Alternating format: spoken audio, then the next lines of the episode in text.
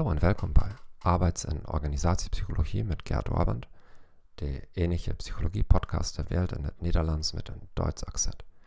In dieser aflevering sollen wir hebben over het gedrag van burgerschap van organisaties, of Organizational Citizen Behavior.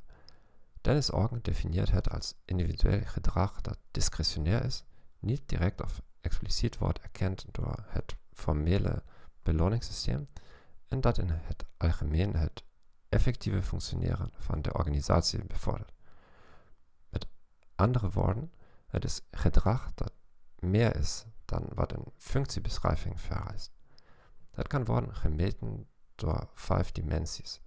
Altruïsme, conscientieusheid, eerlijkheid, hoffelijkheid en burgerdeugd, civic virtue. Hier zijn enkele vragen van de schaal van Potsakov en anderen. Helpt anderen die afwezig zijn geweest.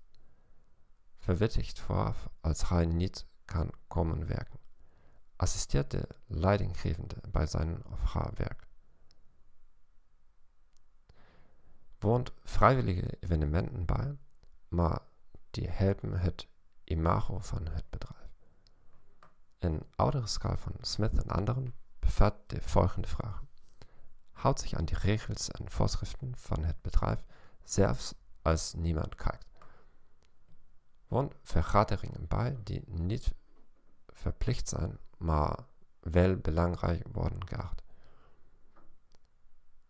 Is zich bewust van de invloed van zijn, haar gedrag het werk van anderen. Helpt graag anderen die werkgerelateerde problemen hebben. Vergelijkbare concepten zijn contextuele prestaties, pro-sociaal gedrag in organisaties en extra rolgedrag. Bedankt voor het naar deze podcast. Ik wens je een fijne dag en tot ziens.